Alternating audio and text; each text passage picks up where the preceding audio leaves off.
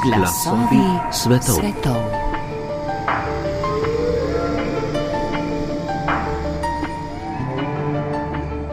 Spoštovane poslušalke, cenjeni poslušalci, lepo pozdravljeni. Komunikacija v sodobni digitalizirani družbi poteka kjerkoli in kadarkoli. Pošiljamo si tekstovne sporočila, delimo fotografije in se pogovarjamo prek videoklicev. Tako kot druge vidike vsakdanjega življenja, tudi sodobna partnerska razmerja močno zaznamuje tehnologija, ki pa je v resnici že odnegdaj del intimne komunikacije. Če so bili prvi ženitni posrednik časopisi z osebnimi oglasi, imajo to vlogo danes aplikacije za pametne telefone, ki so izjemno priljubljeno in razširjeno orodje za iskanje intimnega partnerja ali partnerke. Tinder, Grindr, Badu, Bumble, Her, Field. Tukaj uporabnice in uporabniki v Sloveniji spoznavajo in izbirajo potencijalne intimne partnerke in partnerje. Več bo v današnji oddaji Glasovi svetov razložila naša sogovornica. Lepo zdrav, moje ime je Ana Marija Šiša. Jaz sem uh, doktorska študentka na fakulteti za družbene vede, na oddelku za medijske študije in hkrati tudi mlada raziskovalka na isti katedri na fakulteti za družbene vede. In ukvarjam se v svoji doktorski dizertaciji z aplikacijami za zmenke, sociologijo intimnosti in spolnosti, in nasplošno me zanima razmerje med spolnostjo, intimnostjo in tehnologijo.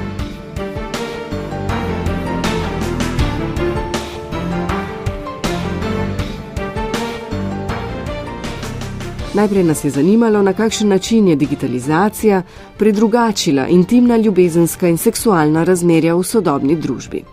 Se mi zdi, da je nekako v bistvu digitalizacija največ eh, vplivala na to, da spreminjamo pogled na to, kaj pomeni pač intimno in um, kako doživljamo ljubezen, recimo, da smo se mogoče že odvadili od tega, da jo razumemo kot neko naravno, organsko stvar in da se vse bolj zavedamo, koliko je odvisna v bistvu od nekih uh, tehnoloških pripomočkov in hkrati tudi tehnologije nasploh. Uh, zdi se mi, da mogoče prej ni bilo tako očitno, da kako se oblikujejo intimna razmerja in ljubezen, da je to odvisno od. Uh, prostorov, v katerih se nahajamo, od oblačil, katere nosimo, od jezika, kako se pogovarjamo o ljubezni in z drugimi osebami eh, v nekih intimnih situacijah, do tega, kakšni so eh, naši, naši pač neki telesni gibi, telesne tehnike. Torej vse to je pomembno za oblikovanje intimnih razmerij in krati zakaj sploh pride do ljubezni, zakaj nastane ta magični občutek. Dan danes pa se mi zdi, da se vse bolj zavedamo, koliko so v bistvu pomembni te komunikacijski kanali, zato da nastane uh, neko intimno razmerje, seksualno razmerje, pač ljubezensko razmerje, uh, koliko so pomembne aplikacije za zmenke, uh, neki pripomočki v spolnem življenju, erotične igrače ali kako so pomembni, ne vem, uh, nasplošno kamere, uh, mobiteli uh, in podobno. In zdi se mi, da je vse bolj se zavedamo, da je tehnologija tisto, kar nam pomaga, da oblikujemo razmerja, ampak hkrati tudi, da obstaja neka intimnost med ljudmi in pač uh, tehnologijo samo. Torej, da zdaj že lahko smo intimni s svojimi, pač svojo tehnologijo, da lahko uh, vzpostavljamo razmerja tudi vem, s hologrami, z osebnimi asistentkami uh, in podobno. Zdi se mi, da se v, v tej smeri razvija, uh, da v bistvu na ta način vse bolj digitalizacija vpliva na naše razumevanje ljubezni in tudi intimnih razmerij. Mogoče, če kar na tej točki nadaljujeva, kaj se dogaja z nekim tem mitom romantične ljubezni, a, a še živi, je še to nekaj. Um, na kar se naslanjajo posameznice in posamezniki ali pa dojemajo ljubezen, zaljubljenost drugače. Zdi se mi, da se še vedno, čeprav eh, je potem ta aplikacija za zmenke v bistvu so kot neka, nek glič v tem razumevanju, zaradi tega, ker uh, večina, recimo večina uh, posameznikov in posameznic, s katerimi sem se pogovarjala, uh, dvomijo v to, da je na aplikacijah možno uh, spoznati nekoga in doživeti ljubezen, čeprav si še vedno tega želijo, ampak mislijo, da je to nekaj, kar je magično in kar se zgodi samo onkraj tega. Ampak še vedno vsem uporabljajo aplikacije in uh, dajo priložnost uh, tudi tehnologiji, tudi, pos, tudi tej posredniški uh, vlogi aplikacij. Ampak zdi se mi, da večina jih verjame in si upa, da se bo to vsem zgodilo, čeprav. Uh, nek, neka skepsa obstaja, Ve, večina jih je skeptičnih. Je pa izginila neka ta demonizacija srečevanja prek tehnologije. Ne? Včasih so tisti, ki so prek vem, um, časopisnih oglasov ali pa potem nekih teh prvih uh, spletnih klepetalnic srečevali svoje partnerke, partnerje, veljali za neke čudake, ki se uh, nekako ne znajo znajti v resničnem življenju. Zdaj to pravzaprav ne drži več. Ne? Uh, aplikacije za zmenkarije so vsaj za mlajše generacije verjetno nekaj, kar jim uh, predstavlja prostor srečevanja. Ja, absolutno. Torej, aplikacije za zmenke, še posebej Tinder, uh, so najbolj. Uh, Največkrat naložena, Tinder je največkrat naložena aplikacija uh, za, pač za mobilne telefone po nekih, pač po nekih igricah. Torej, uh, je res nekaj, kar uporablja ogromno število ljudi in čeprav je prej veljalo, da se na spletu uh, spoznavajo večinoma luzeri in luzerke, torej tisti, ki jim ne uspeva vzpostaviti kontakt v živo in ki mogoče niso dovolj samozavestni za to, da bi vzpostavili kontakt v živo. Danes ni več temu tako. Danes se mi zdi, da velja celo obratna situacija, da tudi če vidiš nekoga, ki ti je všeč v živo, uh, mu ali pa njej ne pristopiš, temveč uh, počakaš, da priješ domov, prižgeš Tinder ali greš na Instagram in potem vzpostaviš kontakt, če slučajno to osebo seveda srečaš na Tinderju ali jo imaš uh, že uh, shranjeno nekje pač kot, ne vem, da mu je slediš ali njemu slediš in tako naprej. Tako da zdi se mi, da je situacija popolnoma obratna v bistvu, kot je bila nekoč. Ja, na spletu počnemo marsikaj, od informiranja do komuniciranja. Morda zdaj, če se osredotočiva na tehnologijo kot uh, orodje, ki nam pomaga srečevati uh, ljudi. Um, kaj se je torej zgodilo s tem, ko so te aplikacije ustvarjene za telefone dosegle uh, torej posameznice in posamezniki, da so jih ti začeli uporabljati? V kakšnem smislu je to drugače od morda nekih spletnih strani ona on ali podobnih, kjer si se prav moral doma za računalnikom logirati, ustvariti profil in potem um, ta lokacija no, spremeni marsikaj, verjetno ne? Ja, torej. Uh aplikacije za zmenke omogočajo to, da se veliko, da se hitreje eh, spoznavamo ljudi in tudi seveda hitrost eh, interneta in vse pač pospeši celo to, cel ta proces spoznavanja. Ehm, in hkrati, glede na to, da pač mobilne telefone in potem pač aplikacije za zmenke nosimo sabo, lahko pač kjerkoli iščemo v bistvu in spoznavamo pač neke potencijalne partnerke in partnerice. Torej nismo več vezani niti za neke javne prostore, kot smo bili prej, recimo preden je sploh uh, pač digitalna tehnologija vstopila v ta prostor. Torej, da smo vezani pač za neke uh, klube, diskoteke, pač uh, javne prostore, knjižnice, ne vem, kje vse se niso pač ljudje spoznavali prej. Uh, niti ni več to, da smo pač vezani za nek osebni računalnik, torej, da moramo biti, da moramo biti doma v sobi ali v tistem prostoru, kjer imamo ta osebni računalnik, uh, res kjerkoli lahko dostopamo. Uh, pač do drugih ljudi in kjerkoli jih lahko spoznavamo in tudi eh, ta proces je zelo hiter, sploh recimo, če vzamemo Tinder, dovolj je en, eh, je en uh, pač drsljaj z roko, da se odločimo, ja, ta oseba nam ni všeč oziroma ta oseba nam je všeč in da stopimo v kontakt z njo in se že razvije nek pogovor uh, ne, na busu, medtem ko se vozimo. Ja.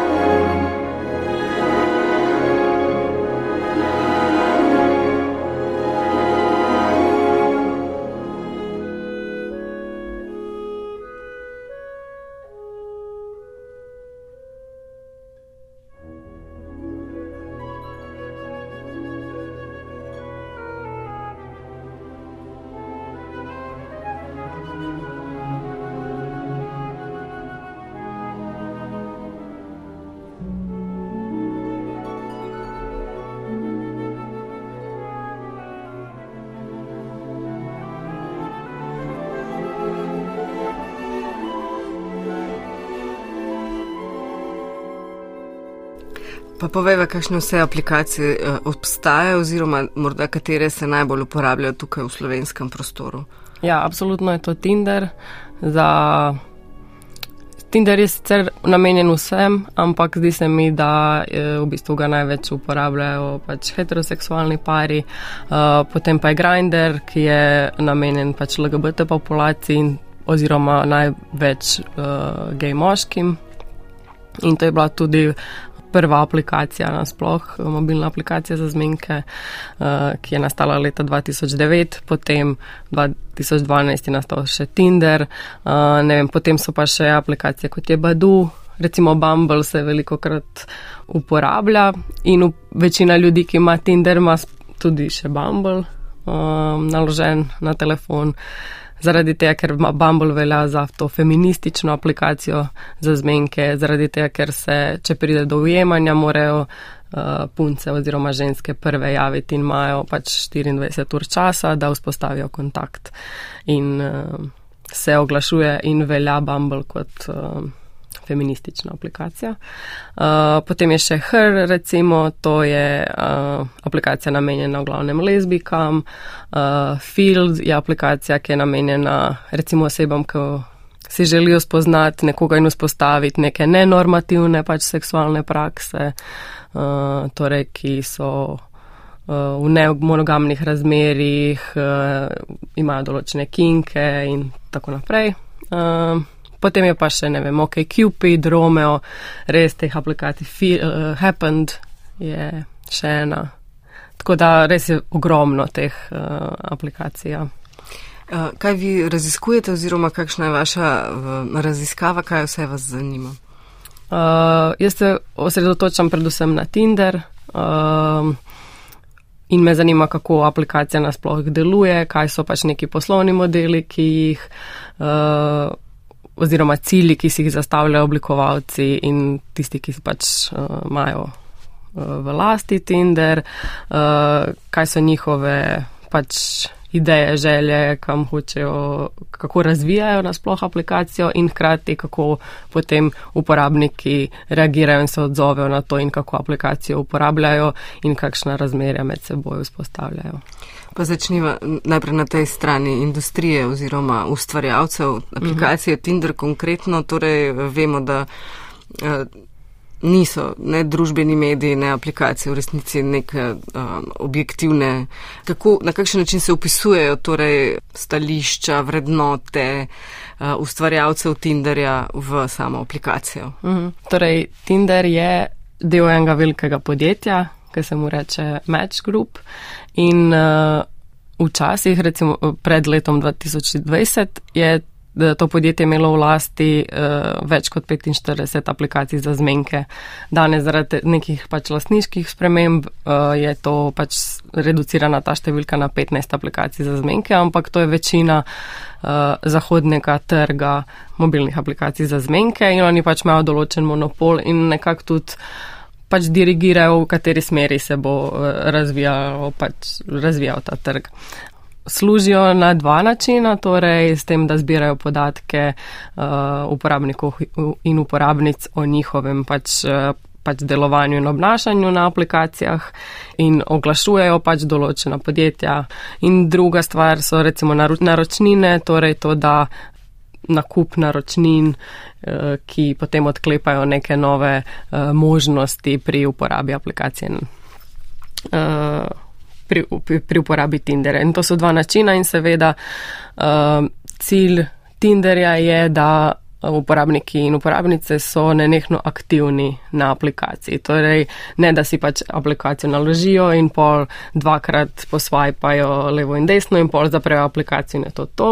Ne, temveč je njihov cilj, da oni aktivno uporabljajo uh, Tinder. Uh, zato so tudi pri Tinderju razvili pač ta mehanizem drsenja, torej swipe uh, v levo ali pa v desno, uh, ki je precej, uh, ki precej zasvoji. Zaradi tega, ker je oblikovan kot neke vrste igrica, kjer ti imaš uh, naložen, uh, naložene profile v ta kup kart in potem se pač igraš.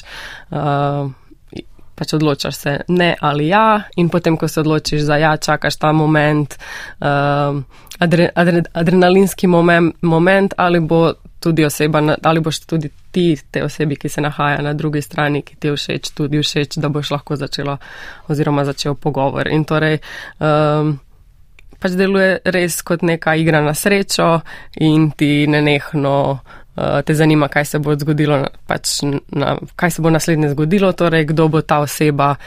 Uh, pač, na pač na naslednji karti, in ali boš ti tej osebi tudi všeč, in kaj se bo potem razvilo. Potem so pač seveda to, kar sem prej omenjala, pač naročnine, zaradi tega, ker one odklepajo neke možnosti, recimo, da ti vidiš že vnaprej, uh, komu si všeč, torej malo se zgubi ta magičen moment, uh, bolj strateško se lahko obnašaš, uh, ne zapravljaš mogoče toliko časa na, na aplikaciji, ampak hkrati za to moraš plačati, seveda. Uh, tako da ja. Kaj pa pravijo uporabnice in uporabniki? Um, ste tudi njih kaj spraševali s kakšno anketo, poglobljenimi pogovori? Delala sem intervjuje z uporabniki in uporabnicami in um, kar se tega tiče, res uh, tisto, kar imajo vsi pozitivno izkušnjo, je prav, uh, prav ta izkušnja s samo aplikacijo. Torej, uh, to, da ko uporabljajo aplikacijo, jim ni dolg čas, zaradi tega, ker uh, dobijo te pač. Uh, mehne dražljaje, vsakič, ko pride do ujemanja s kom, um, kako rečejo, pač, da imajo, dobijo ta ego boost, torej da vejo, da so nekomu všeč, ker mogoče to uh, na, vsak, na vsakodnevni ravni ni uh, očitno, hkrati pa se mi zdi, da vsi rabijo to potrditev, da uh, pač obstaja nek interes romantičen za, za njih pa Ja. Tako da definitivno večina jih ima neke, neke pozitivne izkušnje, izkušnje, kar se tiče uporabe, seveda tudi negativne, ampak ja, zdi se mi, da Tinder predvsem s tem oblikovanjem aplikacije so res naredili en preskok, zaradi tega, ker so naredili aplikacijo za tako igrivo, mislim, nasplošno zmenkovanje so naredili za nek igriv proces, uh, ne preveč obremenjujoč, nekaj, kar počneš, kadarkoli se ti imaš pač malo časa, malo več časa in uh, so uporabniki in uporabnice res dovzetni za to in uh, se zabavajo. Predvsem je to. Mm.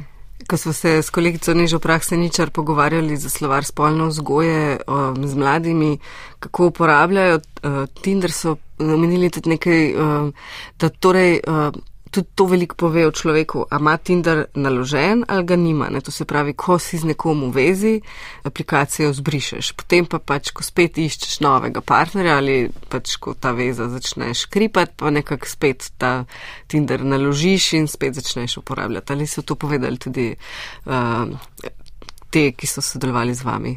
Ja, absolutno. Torej, uh, Tinder je uveljavljena aplikacija in redko kdo, ki, jo, ki si jo enkrat naložil, bo to tudi zadnjič. Seveda, če si s komu razmeril, pač eni tudi imajo še naprej aplikacijo uh, in jo uporabljajo. Zdi se mi, da mladi imajo malo drugačen odnos do Tindera, nasploh do aplikacij za zmenke, mogoče jih tudi ne jemljajo tako resno, kot recimo jih starejše generacije, tudi če so z nekomu razmerju in še vedno imajo naložen Tinder, ne pomeni, da bodo.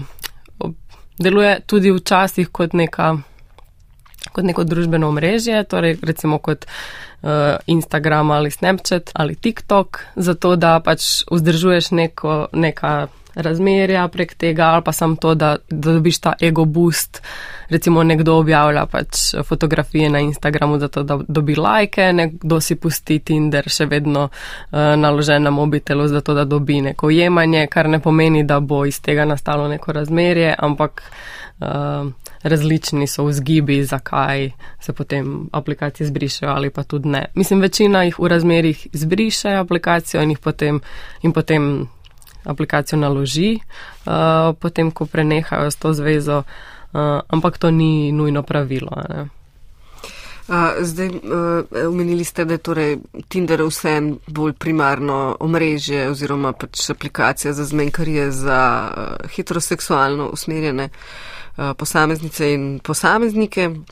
To pomeni, da druge seksualne manjšine ali pa spolne manjšine tega ne uporabljajo. Ne, ne, seveda uporabljajo.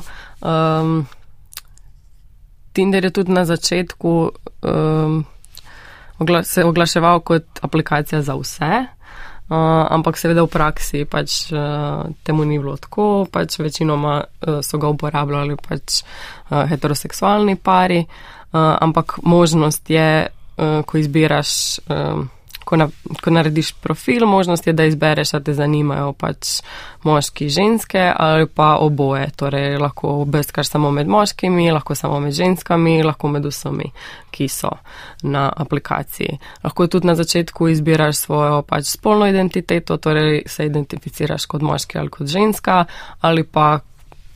Zdaj je tle raz, uh, več opcij, uh, ki jo sam lahko upišeš, torej, če si transpolna oseba, če uh, si transmoški, transženska, vse so te opcije, ne binarna oseba, pač vse so to opcije, ki jih lahko upišeš uh, pač kot svojo pač spolno identiteto. Tudi, če ne vem, uh, si v nemonogamni zvezi, lahko tudi to dodaš. Uh, res, res veliko je opcij uh, na Tinderju, ampak prevladujejo pač. Uh, heteroseksualni moški, cis uh, moški in uh, cis heteroseksualne ženske. Torej, pač to, kar ti označiš in kar si ti izbereš, to vidiš, seveda, potem uh, mora tudi mora isto biti označeno strani uh, druge pač osebe. Torej, če bi jaz imela označeno, da želim videti samo ženske, ti pa da želiš videti samo moške, seveda se pol mi dve ne bi uh, srečali na aplikaciji. Če bi pa imeli obe, pač da želiva videti in moške in ženske, uh, potem pač bi se srečali, eventualno lahko. Uh, Pa tudi označiš, ima uh, Tinder eno funkcijo, da lahko označiš, da v bistvu uh, daš prednost določeni opciji. Torej, želim videti najprej ženske, potem pa moške. Recimo, če želim videti oboje, lahko še označim dodatno, da želim videti vse najprej ženske, potem pa moške. Ja. Pa to dobro deluje, ker eno, eh, s katero smo se pogovarjali, ki se identificira kot eh, lezbika, pravi, da so se ji tudi prikazovali moški, čeprav vse na, na Tinderju označila uh, tako, kot uh, je treba. Uh mhm. -huh. Zato to sprašujemo, vse ja, te podrobnosti. Ja, ja. To je druga stvar, to je zaradi tega, ker lahko tudi pač moški, osebe, ki se identificirajo kot moški, lahko označijo, da so ženske. Seveda pač aplikacija tega, mislim, Tinder tega ne more preveriti, oni pa na, na začetku lahko izberejo, jaz sem ženska in potem želim videti ženske, torej ženske, ki jih zanimajo. Torej, kot ženska, ki jih zanimajo ženske, in potem se zaradi tega znajdejo v tem na tem kupu.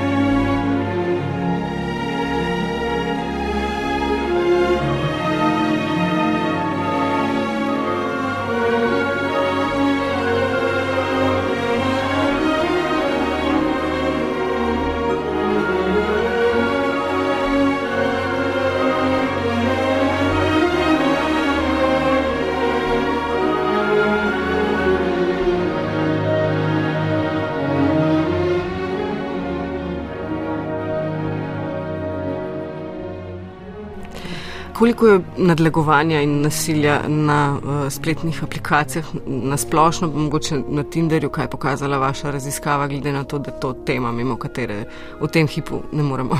Uh -huh. uh, ja, spolno nadlegovanje in nasilje je prisotno. Uh, zdi se mi, da je.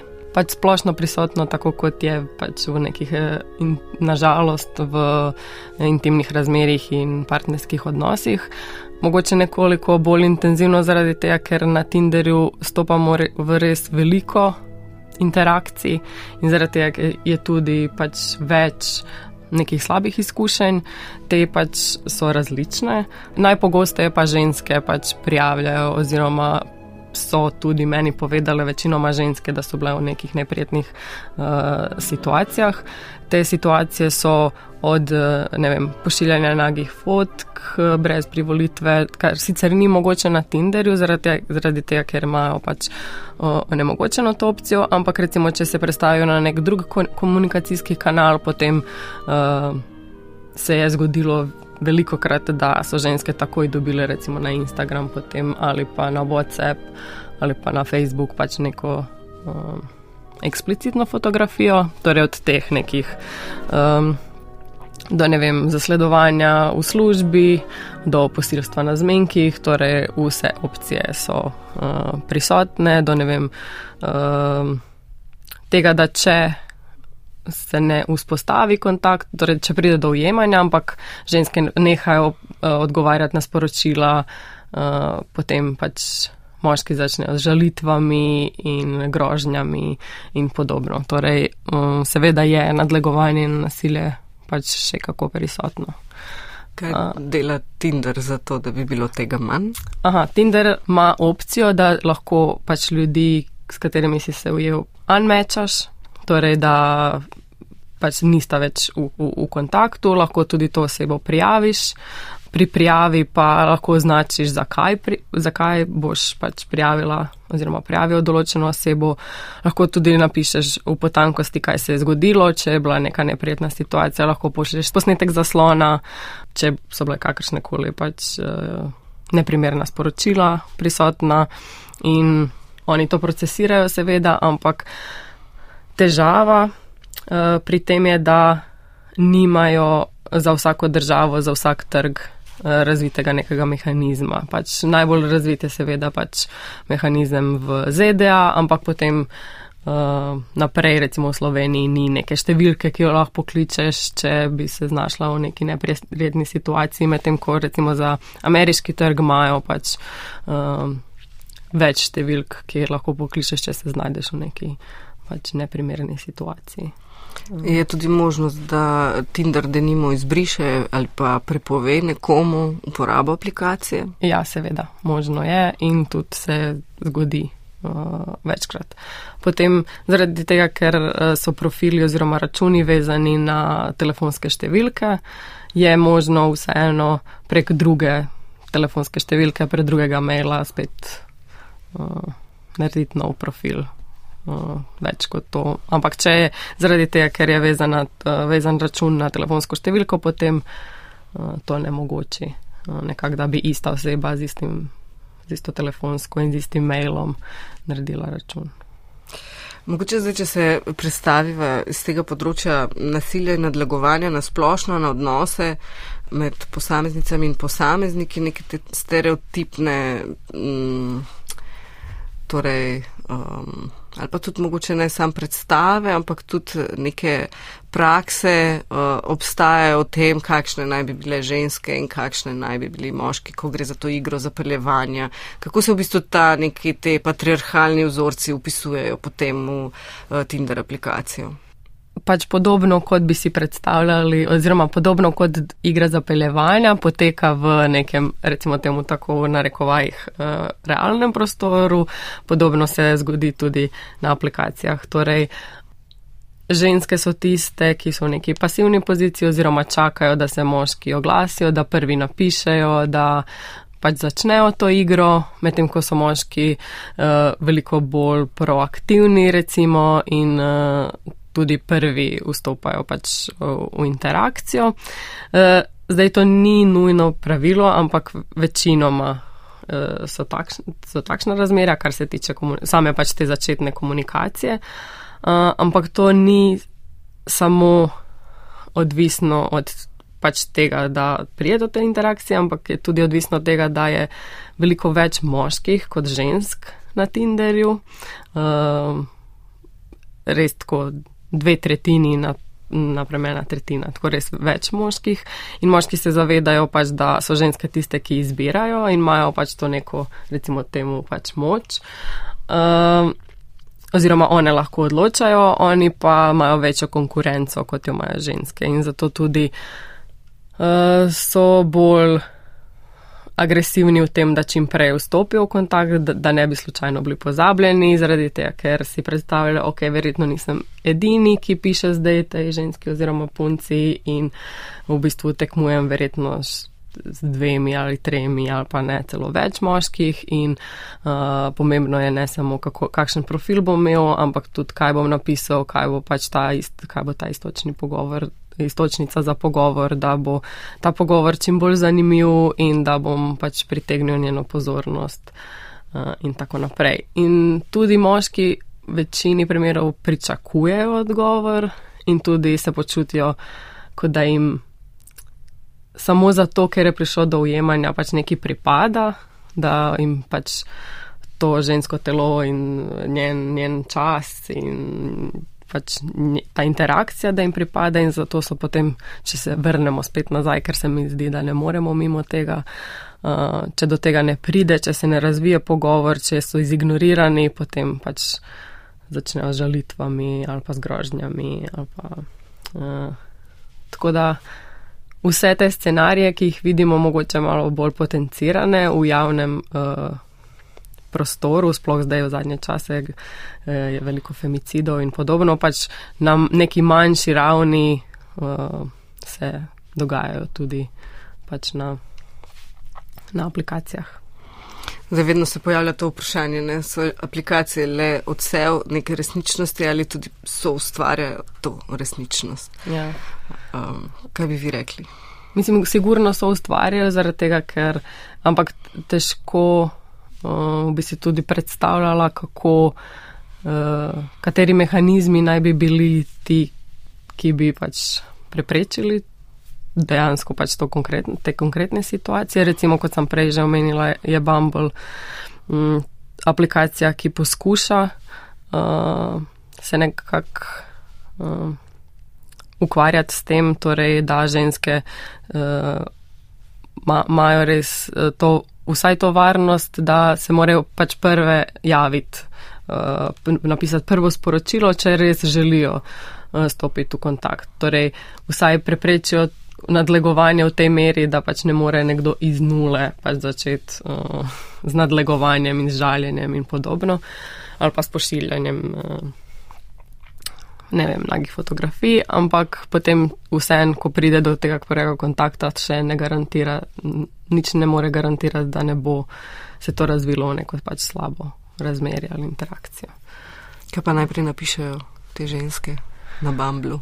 Ja, ponavadi je to samo hej, zaradi tega, ker vse si želijo, da moški pač uh, nadaljujejo s pogovorom.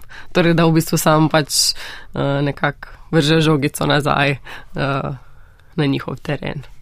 Kdaj pa se pa eh, ta komunikacija prestavi iz aplikacije ali na drugo aplikacijo, kjer je možno tudi pošiljanje fotografij ali pa pač v resnični svet, eh, a so kakšna ta nenapisana pravila, ki veljajo ali je to zelo različno od posameznika do posameznika?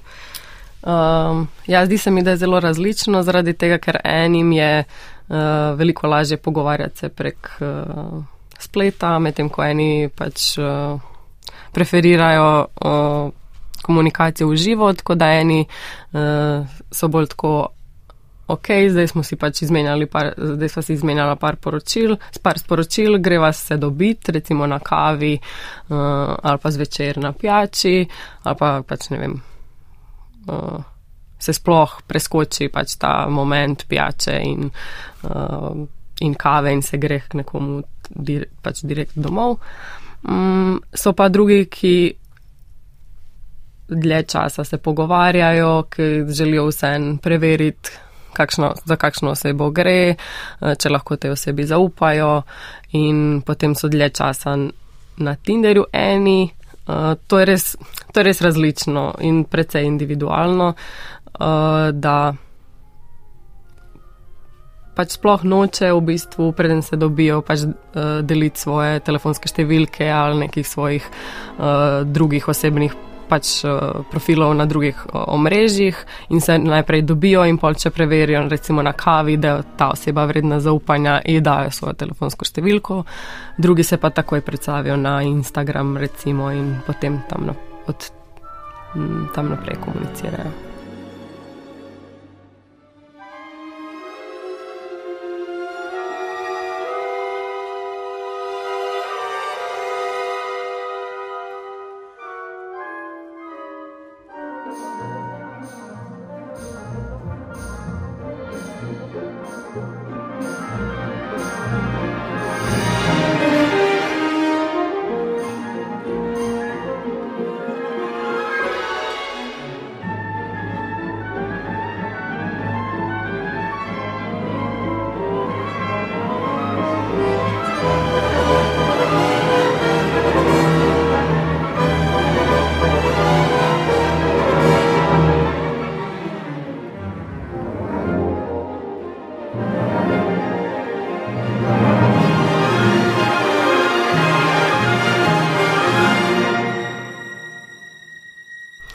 Raziskave so pokazale, da vseeno prevladojoča uh, oblika partnerskega intimnega odnosa je še vedno nek monogamen odnos, ker gre za neko serijsko monogamijo, ki jo prakticirajo mm. mladi, ni, ni več, da si izbereš enega za vse življenje, ne? ampak ko si v odnosu, je pa prevladojoče to monogamen odnos. To še drži, kaj vi vidite uh, iz svoje raziskave? Ja, definitivno je serijska monogamija pač uh, prevladujoča oblika razmeri. Sicer pač jaz sem več ljudi, potem več uh, intervjujencov in intervjuja oprašala za neke te, recimo temu, uh, cilje ali želje v prihodnosti, ker sem se pogovarjala glavno z mlajšimi ljudmi in pol nisem. Uh, Sem pre, predvidevala, da se noben od njih noče takoj pri 20-ih uh, najti eno osebo, s katero bi bila pač ali bil do konca življenja. Ampak uh, vsi, oziroma večina je rekla, da stremijo k temu, da bi na neki točki pač spoznali nekoga in zgradili pač, uh, pač gradili skupno življenje s to osebo, ampak so hkrati precej neobremenjeni, kar se tega tiče in pravijo, da če se zgodi v redu, ampak ni to neka prioriteta ali pa stvar, o kateri pač nenehno razmišljajo. Eh, so pa seveda prisotne tudi pač druge oblike razmeri. Zdi se mi, da se vse več pogovarja, o, pogovarjajo in mladi in starejši o tem in da je vse več informacij dostopnih, kar se tiče, ne vem, uh, nemonogamnih razmeri ali pa pač uh, poliamorije in podobno, da pač tukaj res se odpirajo pač vrata tudi drugim oblikam razmeri. Uh, splet je vsekakor uh, pomagal uh, seksualnim manjšinam, uh, spolnim manjšinam, da v bistvu najdejo nek varen prostor, kjer se lahko uh, združujejo, pogovarjajo, uh, dogovarjajo za srečanja. Uh, verjetno je to s temi uh, aplikacijami, ki so posebej namenjene ali moškim, ki imajo spolne odnose z moškimi ali uh, lezbikam ali uh, drugim uh, seksualnim manjšinam, uh, še vedno tak prostor. Ja, absolutno. Torej, uh, prej sem omenjala Grindr, ki je bila prva aplika mobilna aplikacija za zmenke. In seveda je LGBT populacija pač nek pionir in kar se tiče aplikacij za zmenke in na splošno klubske kulture in nekih uh, oblikovanja nekih skupnosti in uh, nekih novih oblik pač uh, in zmenkovanja in intimnih razmeri. Torej se mi zdi, da se vedno postavijo nek. Uh, So iznajdljivi in vedno pač se znajdejo in oblikujejo neke nove stvari. Ampak, ja, kar se tiče Grindera, torej je predstavljal Grindr takrat za gej, predvsem za gej moške, pač nek uh, varen prostor, uh, kjer so lahko vedeli, da na tej aplikaciji se najdejo lahko tisto, kar jih zanima, tisto, kar iščejo, da pač ne bo nekih. Uh, Negotovih situacij, zaradi tega, ker uživo nikoli pač nisi mogo biti, razen če se nisi prav v določenem baru znajdel in vedel, da pač ok, zdaj tukaj ne morem zgrešiti, ampak uh, nisi mogo biti pač 100% nikoli druge, uh, kaj se bo zgodilo, ali bo to ta komunikacija varna, tukaj na tej aplikaciji pa uh, si nekako vedel, da ok, tudi drugi ljudje so tle, uh, se nahajajo tukaj iz istih interesov in je sigurno varnejše kot kjerkoli v realnem, v realnem življenju. Uh, kar seveda ne pomeni pač za, za, za neke druge manjšine, recimo transmoške in transženske, je to avtomatično varen prostor, uh, zaradi tega, ker uh, predsodki in uh, diskriminacija in fobije še vedno pač obstajajo in so problematične še naprej. In aplikacije težko, čeprav se trudijo nasloviti ta vprašanja, je uh, zelo težko pač uh, se spopadajo s tem. Um, zdaj, Slovenija, vemo, je zelo specifična že zato, ker je tako majhna.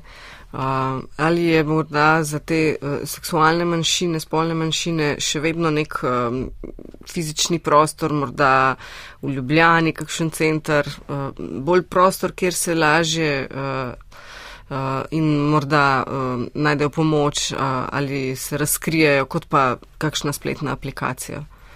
Uh, ste to kaj jih spraševali, se s tem ukvarjali? Mm, ne, zares, uh, ampak zdi se mi, da aplikacije za zmenke še vedno, kar se tega tiče, konkretno pač iskanja potencijalnih seksualnih ali pač intimnih partnerjev, so še vedno najbolj učinko, mislim, učinkovita, mogoče ni najboljša beseda, ampak najbolj uporabljan medij. Z enim fantom sem se pogovarjala in pa je pač mi rekel, da itak on pozna vse ljudi, ki so in v Ljubljani pač istospolno usmerjeni in ki so na aplikaciji in da se redko zgodi kaj novega in on recimo uporablja aplikacije že deset let in da opazi vsako spremembo in vsak nov profil in da že ve, kdo je kdaj v zvezi in kdo se skriva za kakšnim profilom, tudi če je ta oseba spremenila profil in ima nov fotografijo. Tako da res se mi zdi, da tukaj nekako uh, se znajdejo prej ali slej. Uh, vsi, ki se razkrijejo uh, ali pa želijo probati nekaj uh, novega. Uh, tudi za ljudi z uh, recimo um, morda manjšinskimi spolnimi preferencami ali pa ki prakticirajo drugačen uh, kot nek normativen seks, ljudje s kinki uh, se tudi združujejo na različnih aplikacijah. To sceno ste kaj raziskovali, kaj ste izvedeli? Uh, v bistvu Nisem se specifično pač z določenimi kinki in eh, recimo BDSM sceno ukvarjala. Uh, vem, da obstaja ena aplikacija, ki vidim, da jo ljudje, pač ljudje uh, v Ljubljani uporabljajo zaradi tega, ker imam več aplikacij na mobitelu in potem pač delam neke te manjše raziskave. Te aplikacije se reče Field in je namenjena najprej bila ljudem na začetku, ko so jo pač uh, ustvarili, je bila namenjena ljudem, ki iščejo tretjo osebo za trojčke ali pa ki si želijo pač uh, biti del nekega trojčka. Potem pa so to aplikacijo razširili za pač različne nenormativne spolne prakse in uh, je zdaj pač splošno razširjena in vidim, da pač ljudje tudi v Ljubljani uporabljajo recimo uh, pač deluje podobno kot Tinder, lahko brskaš, s tem, da ni, ni isto oblikovana kot Tinder. Recimo na Tinderju, ko enkrat daš levo, potem ne vidiš več tega profila, načeloma, eh, tukaj lahko samo brskaš med profili in zdaj osebe lahko označijo, eh, ne vem, različne želje in interese, eh, pač želje, ne vem, submisivna, kinki, trojčki, BDSM, lahko napišejo pač kar jih zanima, poleg te neke osnovne predstavitve in svojih fotografij in ne vem, nekih življenjskih, življenjskih interesov. Taj se tudi najdejo večinoma pari, tako da.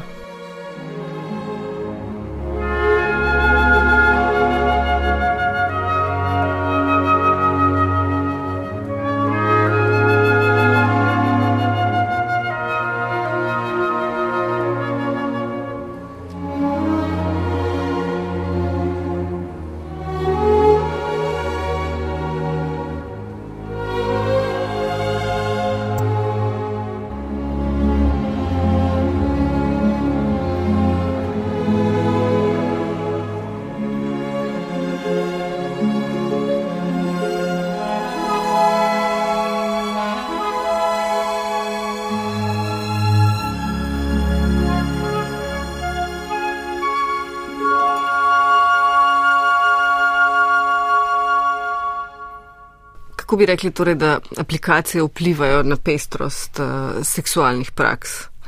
Na kakšen način? Mm.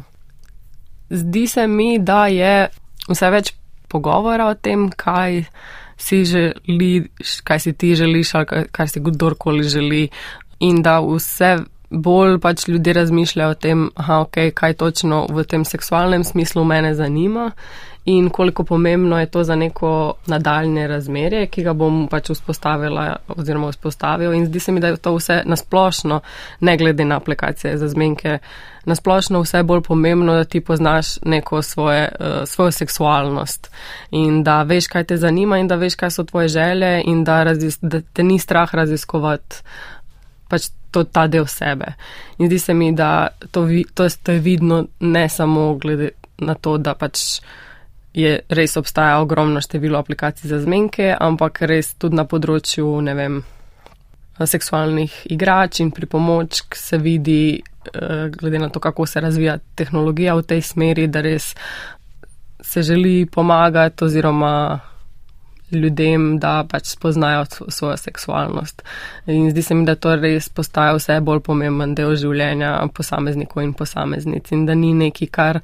In da je res nekaj, kar je v ospredju, ko vstopajo v razmerja, vse bolj v ospredje je postavljeno to seksualno življenje in užitek nasploh, torej da v svoji spolnosti osebe uživajo. To se mi res zdi, da je zelo pomembno. Zdaj aplikacije same po sebi ne vem, koliko temu dejansko pripomorejo v, pozitivn, v nekem pozitivnem smislu, ampak vseeno dajo to možnost, da skomuniciraš z drugimi ljudmi, ok, mene to zanima. Jaz sem zainteresirana za to in iščem točno določeno stvar tudi v seksualnem smislu. To lahko potem rečemo, da so neke pozitivni učinki na intimne življenje oziroma na zadovoljujoča intimna partnerska ja. življenja. Kakšni so pa negativni? Po vašem mnenju? Negativni pa se mi zdi, da predvsem so uporabniki in uporabnice pogosto preobremenjeni, zaradi tega, ker je te interakcije preveč, več kot si bi želeli, ampak v večini primerov ta interakcija jim ne prinese to, kar bi si želeli. Torej, veliko je iskanja. In veliko je interakcij z drugimi ljudmi, ampak na koncu se nič ne zgodi in potem to rata utrojoče in preobremenjujoče, zaradi tega, ker se posamezniki in posameznice res trudijo in uh, tekmujejo med sabo in si želijo biti čim bolj uspešni na tem področju, ampak večina se mi zdi ne pride daleč od tega nekega osnovnega ujemanja ali pa kratkega pogovora ali pa enega zmenka. In potem so tudi razočarani, zaradi tega, ker se jim zdi, da v bistvu neki ali ne počnejo neki prav, ali pa pač niso dovolj dobri in uh, to slabo potem vpliva tudi na njihovo samozavest. Tako da, ja, če ne govorimo o tem pač nadlegovanju, ki sem ga omenjala prej in uh, nekih pač slabih izkušnjah, ki so jih imeli uporabniki in uporabnice, veliko krat pa tudi omenijo, da se jim zdi, da v bistvu Eh, se prodajajo in da imajo ta občutek komodifikacije lastne osebnosti in tudi, da vse poteka, kot da bi bili v neki trgovini in uh, pogosto grad uh, govorijo o teh primerjavah. Ja. Jaz bi se z vami kar še pogovarjala in pogovarjala, ampak žal nam je čas v studiu poteku, uh mhm. -huh. tako da vas veseljem povabim še kdaj na še več debat. Hvala, uh, najlepša hvala. Hvala za vsa ta pojasnila. glasovi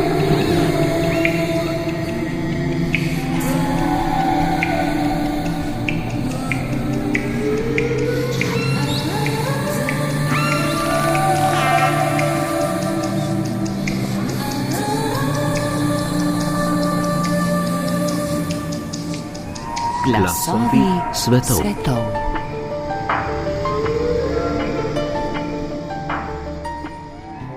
Najprej nas je zanimalo, na kakšen način je digitalizacija predrugačila intimna ljubezenska in seksualna razmerja v sodobni družbi. Spoštovane poslušalke in cenjeni poslušalci, hvala za pozornost. O digitalizaciji iskanja intimnih partnerk in partnerjev smo se pogovarjali z raziskovalko Ana Marijo Šiša z Fakultete za družbene vede Univerze v Ljubljani. Za to je skrbel David Lab, oddajo sem pripravila Urška Henigman. Oddajo glasovi svetov najdete tudi na spletu in v svoji aplikaciji. Ne za zmenkarije, ampak za podkaste. Lep dan še naprej.